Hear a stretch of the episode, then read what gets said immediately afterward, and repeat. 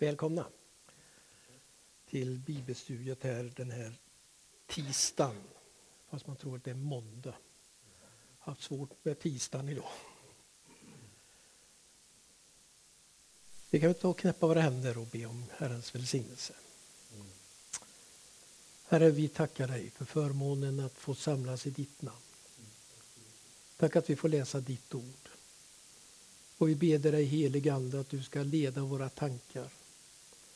Att verkligen kunna läsa och förstå vad du vill säga till oss. Tack att du vet vad vi behöver var och en den här kvällen. Och tack att du vill fylla oss med din härlighet. Tack att du vill fylla oss med den helige Ande.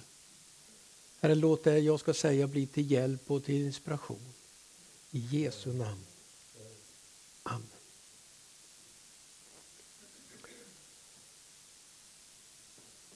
Jag är ju sån att jag går ju och funderar lite på vissa bibeluttryck och skeenden. Och, och för ett tag sedan så kom jag att läsa om man talade om roller i Guds församling. Och det där blev liksom satte igång min tankeverksamhet. Finns det roller i Guds församling? Och jag svarar nej. Det finns inga roller i Guds församling. Och varför jag säger ett nej är att för ordet roll för mig betyder att det är någon annan som talar om vad jag ska göra.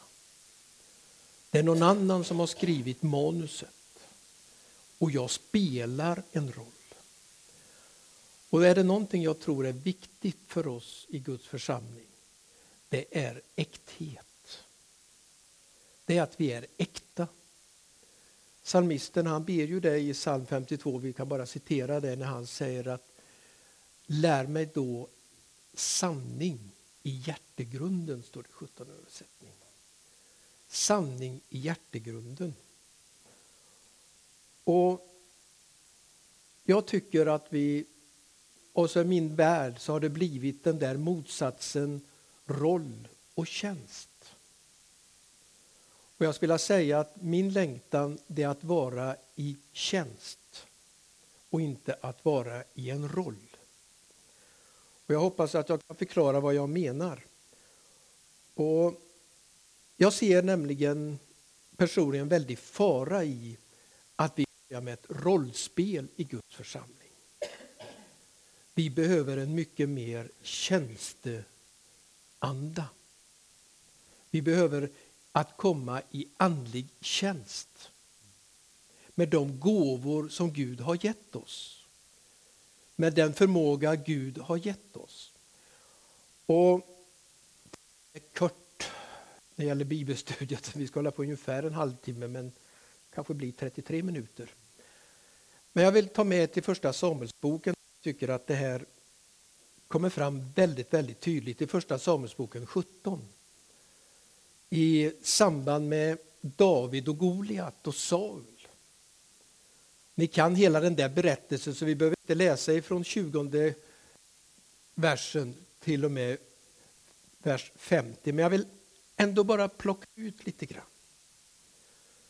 För de här personerna som vi möter, det är konung Saul, det är David och det är soldater. Och jag tycker vi möter Saul. Han var kung i en roll, men inte i verkligheten. För går vi till det femtonde kapitlet i Första Samuelsboken, vers 11, så säger Herren till Samuel där, jag ångrar att jag gjorde Saul till kung, ty han har vänt sig ifrån mig och inte utfört min befallning. Och går vi till vers 23 i samma kapitel så säger eh, Samuel till Saul Eftersom du har förkastat Herrens ord har han förkastat dig så att du inte längre får vara kung. I den här situationen med Goliat så är Saul i en roll som kung. Men i Guds ögon är han inte det. Och vad hade det med sig för konsekvenser för honom? Jo, en människa som är i en roll, andligt sett. Förstå mig rätt när jag säger, han hittar hittar inte andliga lösningar på problemen utan använder sig av en annan erfarenhet. För det är någonting som jag har lärt mig under tiden i tjänst för Herren så är det att Gud är nuets Gud. Och han har lösningen i nuet. Det är sällan Gud plagierar eller kopierar. Och Det är det som vi får försöka förstå konung Saul när han i vers 20 eh, ser det här ske. Och han kommer fram, eh, Goliat. Så kommer han in i det där läget att vi gör som vi brukar göra.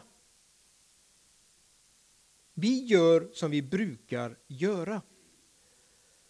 För det står där i 20 versen ifrån, i slutet där, sista meningen. När han, det vill säga David, kom fram till vagnborgen skulle Herren just dra ut till strid och det gav upp ett härstrid. Israel och filisterna ställde upp sig i slagordning mot varandra. Så brukar vi alltid göra. Och det är det här som skiljer så väldigt mycket mellan en som har en roll och den som är i nuet i andlig tjänst. Talar inte om att så brukar vi göra, utan frågar Herren, vad vill du nu? Här och nu. Saul kunde metoderna men saknar smörjelsen, har jag skrivit på min fusklapp. Han kunde metoderna, han var duktig militärisk. Men han saknade smörjelsen. Och så möter vi Davids bröder. De är soldater. Och här är en väldigt, väldigt, väldigt lärorik vad gör de för misstag? Jo, de ser inte ett Herrens redskap i sin egen bror. Eller hur? Vad vill du här, säger de. Gå hem och vakta fåren. Tror du att du är någonting? Jantelagen. Tror du att du är någonting? Vad gör du här? Och du vet att jag tror att här har vi en liten lärdom, låt mig bara passa in den lite grann utan att fördjupa mig. Det är viktigt för oss att leva i vår andliga tjänst så vi ser vilka Gud har utrustat i den nästa generation. För Davids bröder, de hade rollen som soldater och hade därför inget förtroende för sin lillebror. Han hade ju inte gjort lumpen. Han kunde ju inte det här. Han hade ingen erfarenhet. Vad gör du här David? Vad vill du egentligen? Och jag tror vi behöver komma in i den här andliga smörjelsen i vår andliga tjänst, vilken tjänst vi än har i Guds församling. Utan att på något sätt nämna någon av dem, utan samtliga andliga tjänster. Det är att vi lever så i smörjelsen så vi ser Guds redskap också i den yngre generationen. Det blir inte som vi brukar vara. Nej, det har ett annat tänkande, ja, och ska så vara. Det är viktigt för oss som är äldre att leva så i vår andliga tjänst. Att vi sponsrar, förstå mig rätt när jag säger ordet, sponsrar de yngre. David då? Han var i Guds ögon kung. Han hade blivit smord som kung. Ni känner ju till det. Och vad, hade, vad skilde honom ifrån Saul då? Jo, han såg ett andligt, en andlig lösning på ett mänskligt problem. Han såg en andlig lösning på ett militäriskt problem. Vers 34 i Första Samuelsboken 17. Så Saul han ställer ju frågan, inte kan du gå och strida mot den här eh, filisten? Du är ju bara en ung pojk och han är en krigare ända från ungdomen. Då plockar David fram sin andliga erfarenhet och använder den rätt. Han säger, din tjänare har gått i vall med sina fars får. Om då ett lejon eller en björn kom och tog bort ett får av jorden följde jag efter vilddjuret och slog ner det och räddade fåret ur munnen på det. Om vilddjuret då reste sig upp mot mig så fattade jag det i manen och slog ner det och dödade det. Din tjänare har slagit ner både lejon och björn. Det ska gå denna oomskurne filisté som det gick vart och ett av dessa djur, för han har hånat den levande Gudens här. Han såg en andlig lösning på ett mänskligt problem. Så gör den som är i andlig tjänst. Man ser längre bortanför och man använder sin erfarenhet på ett rätt sätt. Han hade mer förtroende för den utrustning Gud hade gett honom än den utrustning som konung Saul ville sätta på honom. För faran när vi kommer in i det här med rolls i Guds verk, det är att vi kan börja utrusta varandra. Jag tror inte Saul menar något elakt. Jag tror det låg väldigt mycket omsorg i Saul när han gav honom rustningen och sa ta på dig det här. För troligtvis var det den finaste, modernaste rustningen som fanns. Svärdet var säkert det bästa som fanns i Israel. Felet det var att det var inte Davids rustning, det var Sauls rustning. Det var inte det som David kunde använda. Men vad kunde David använda? Jo, jag tycker om det här. Han tar av sig den här rustningen. Han bara la av alltihopa, står det i vers 39. Jag kan inte gå med den här för jag är inte van vid det. Men så står det från vers 40. Det här älskar jag, de här uttrycken. Han tog sin stav i handen, valde ut åt sig fem släta stenar ur bäcken och lade dem i fickan på sin herdeväska och tog sin slunga i handen, så gick han mot filisterna. Har du inte strykt under någonting i Bibeln så stryk under sin. Han hade förtroende för sin utrustning. Här ligger en djup, djup andlig hemlighet. Ha förtroende för det Gud har gett mig. För det var ju det som profeten fick höra Innan du föddes utvalde jag dig.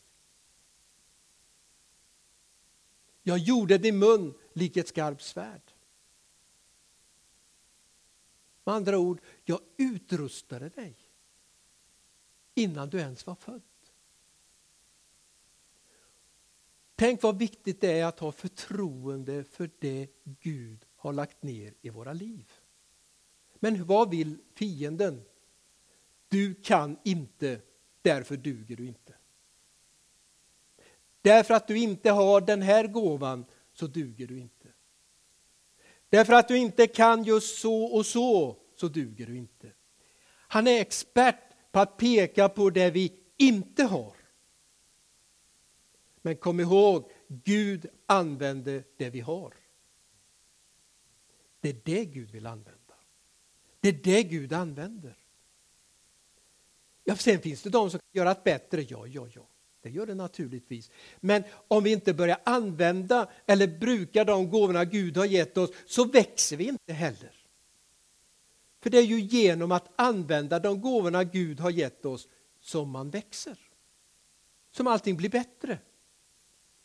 Övning ger färdighet, också i den andliga världen. Och därför är det viktigt att vi vågar uppmanar och uppmuntrar varandra och uppmanar varandra att bruka de gåvorna vi har. Men det blir fel, ja. Det är inte farligt. Det är inte farligt att det blir fel, för det går att rätta till. Värre är det när det inte blir någonting alls. Det är bättre att försöka och misslyckas och försöka igen och lyckas. Och därför är det väldigt viktigt för oss som har kommit upp lite i åldern att inte klanka ner på dem som gör fel utan uppmuntra dem. Precis på samma sätt som vi gör när barn ska lära sig gå. Jag har aldrig hört någon förälder skälla på sina barn när de har gått och faller. Och säger du är en urusel unge, du kommer aldrig lära dig att gå. Men däremot har jag sett många föräldrar som har rest barnen upp och så försökt att stötta dem och gå vidare. Och så tror jag vi ska göra. Uppmuntra. För tjänst i Guds församling och i Guds rike bygger på de talenterna vi har fått. Och du vet att man kan översätta ordet talenter med talang. Det är samma ord. Talenter och talang. Gåvorna vi har fått. Men börjar vi med en roll så styrs vi av andra och annat än det jag har. Det är andra människor som börjar styra min andliga tjänst. Då binder man varandra istället. För en roll, då är det något annat som ligger liksom framför mig. Det innebär mycket av prestation och prestige att lyckas i människors ögon. Tjänst innebär trohet i det lilla utan människornas berömmelse utan Guds godkännande en dag på evighetens morgon. Det är viktigare. Det är viktigare med Guds godkännande. Och Tjänsten bygger på talang. Du känner till berättelsen i Matteus. Vi kan gå dit och påminna oss om det. Matteus 25. Verserna 14 till 30 där det finns olika antal talenter. Fem talenter, två talenter och en talent.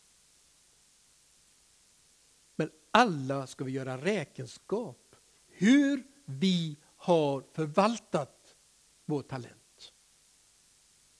Eller översatt i modernt språk, en del av oss har fem talanger. Någon annan har två, en tredje har en talang. Det är inte antal som är avgörande utan hur vi förvaltar det vi har fått. Det är inte hur mycket vi har fått utan det är förvaltningen utav det vi har fått. Man får inte större pris i himlen därför att vi hade många talenter utan det är hur vi förvaltade troheten.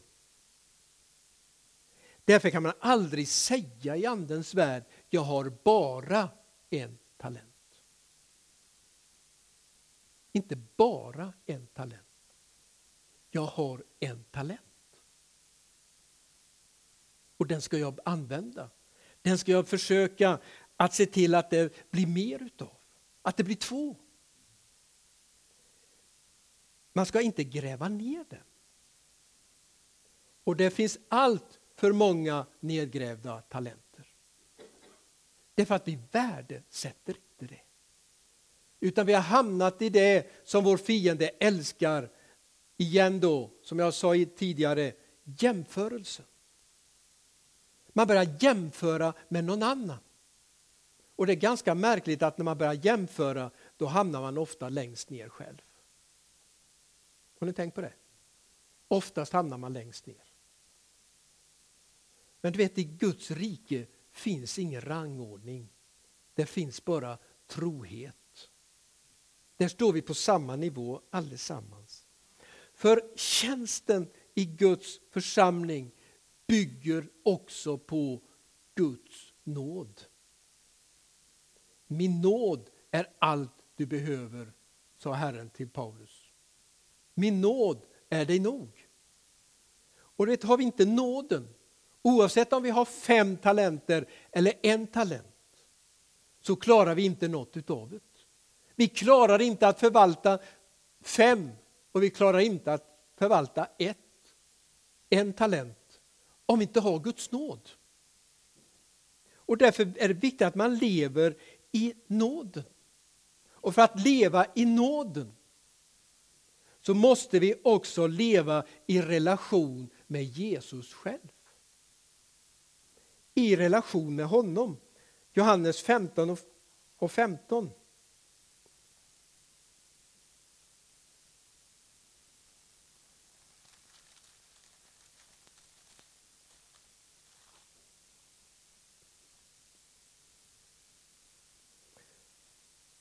Så säger Jesus, jag kallar er inte längre tjänare eftersom tjänare inte får veta vad hans herre gör.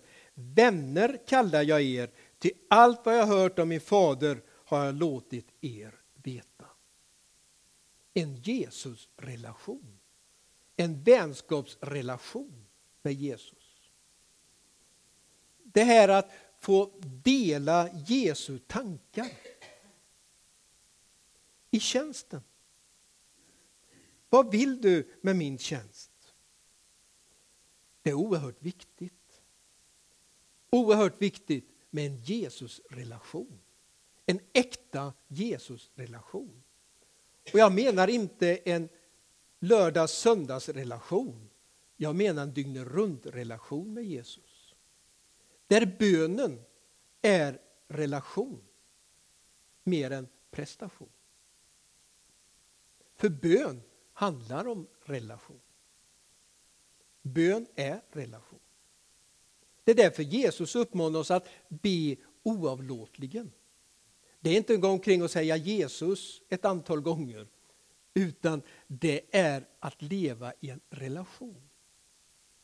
Och du vet att tystnad är också en relation.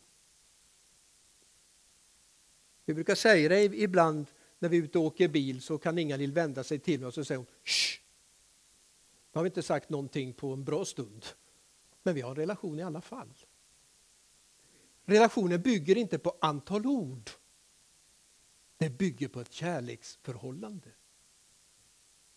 Och Jag tror det är oerhört viktigt i den här tid vi lever att ha den här Jesusrelationen. Det kan avgöra vad som är äkta och oäkta.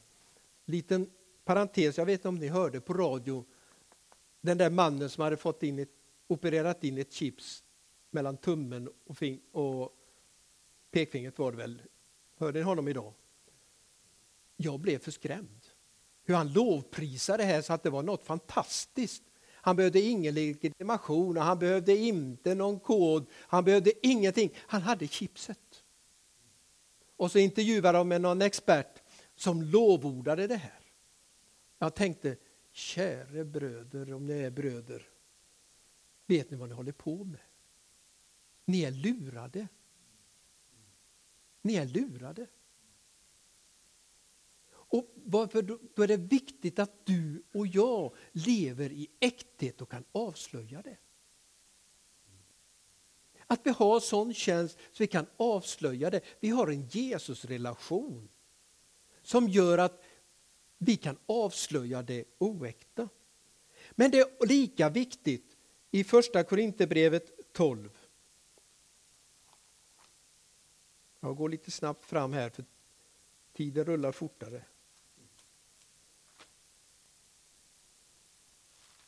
Från vers 12, första Korinthierbrevet 12 och 12, så säger Paulus att ty liksom kroppen är en har många lemmar, men kroppens alla lemmar och det är många utgör det en kropp, så är det med Kristus.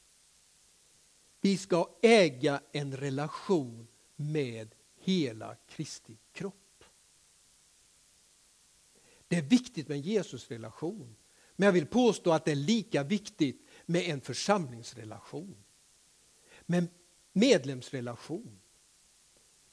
För Paulus går ju vidare och säger att i en enda ande har vi blivit döpta till att höra till en kropp, vare sig vi är judar, greker, slavar eller fria. Och alla har vi fått en och samma ande utgjuten över oss.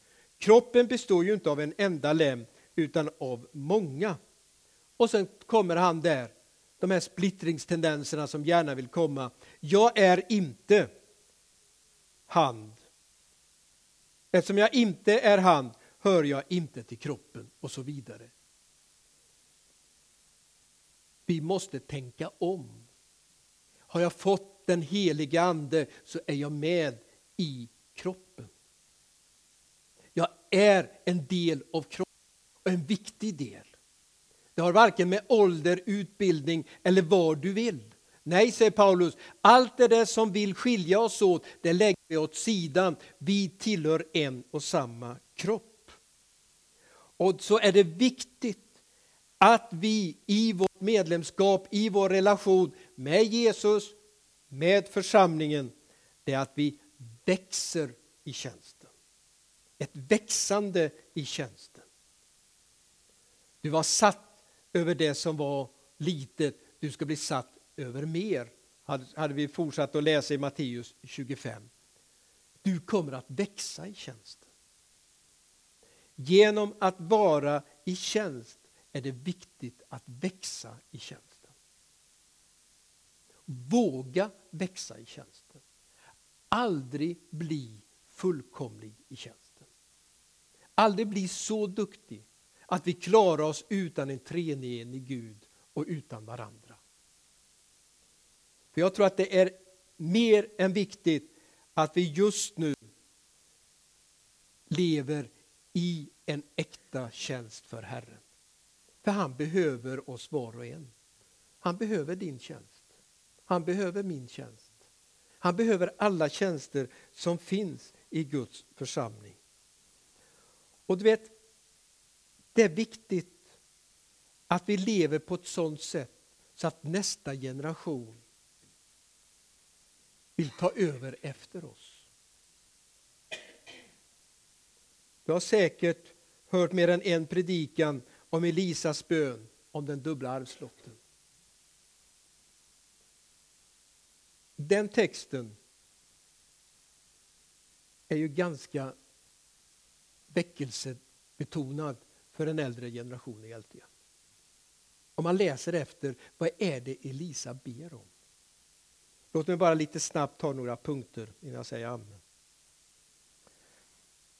Jag ställde mig fyra frågor ifrån Andra Konungaboken, det andra kapitlet. Då. I att vara, tanke på att vara i en roll och att vara i en tjänst. Och jag vill ju helst vara i en tjänst. Då ställde jag mig fyra frågor. Vad var det Elisa ville föra vidare?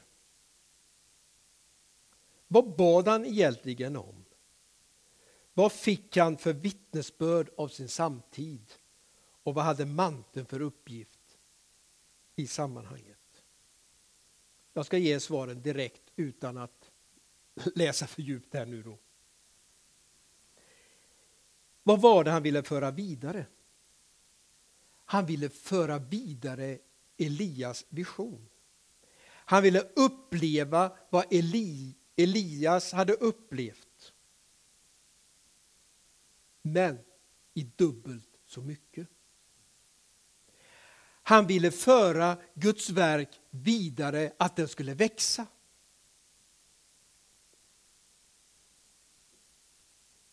Och då ställer jag mig frågan, finns det någon i den yngre generationen som vill föra min vision vidare?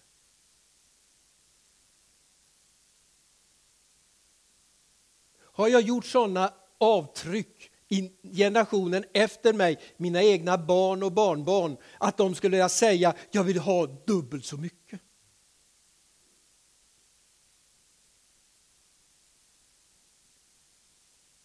Den frågan blir nästan skrämmande. Jag vet en av ungdomarna som kom en gång och så satte han sig och så spände han ögonen i mig och sa Lasse, är det för mycket begärt att be att jag får uppleva dubbelt så mycket som du har upplevt? Och då tänkte jag, gode Gud, vad har jag upplevt? Som han vill få ha utav. Vad är det för vidare? Är det något positivt som kommer leda den här ungdomen vidare framåt i, i livet? Vad bad han om? Han bad om en dubbel arvslott. Men inte att föra Elias livsverk vidare. För det kan vi inte. Vi kan inte föra någon annans livsverk vidare.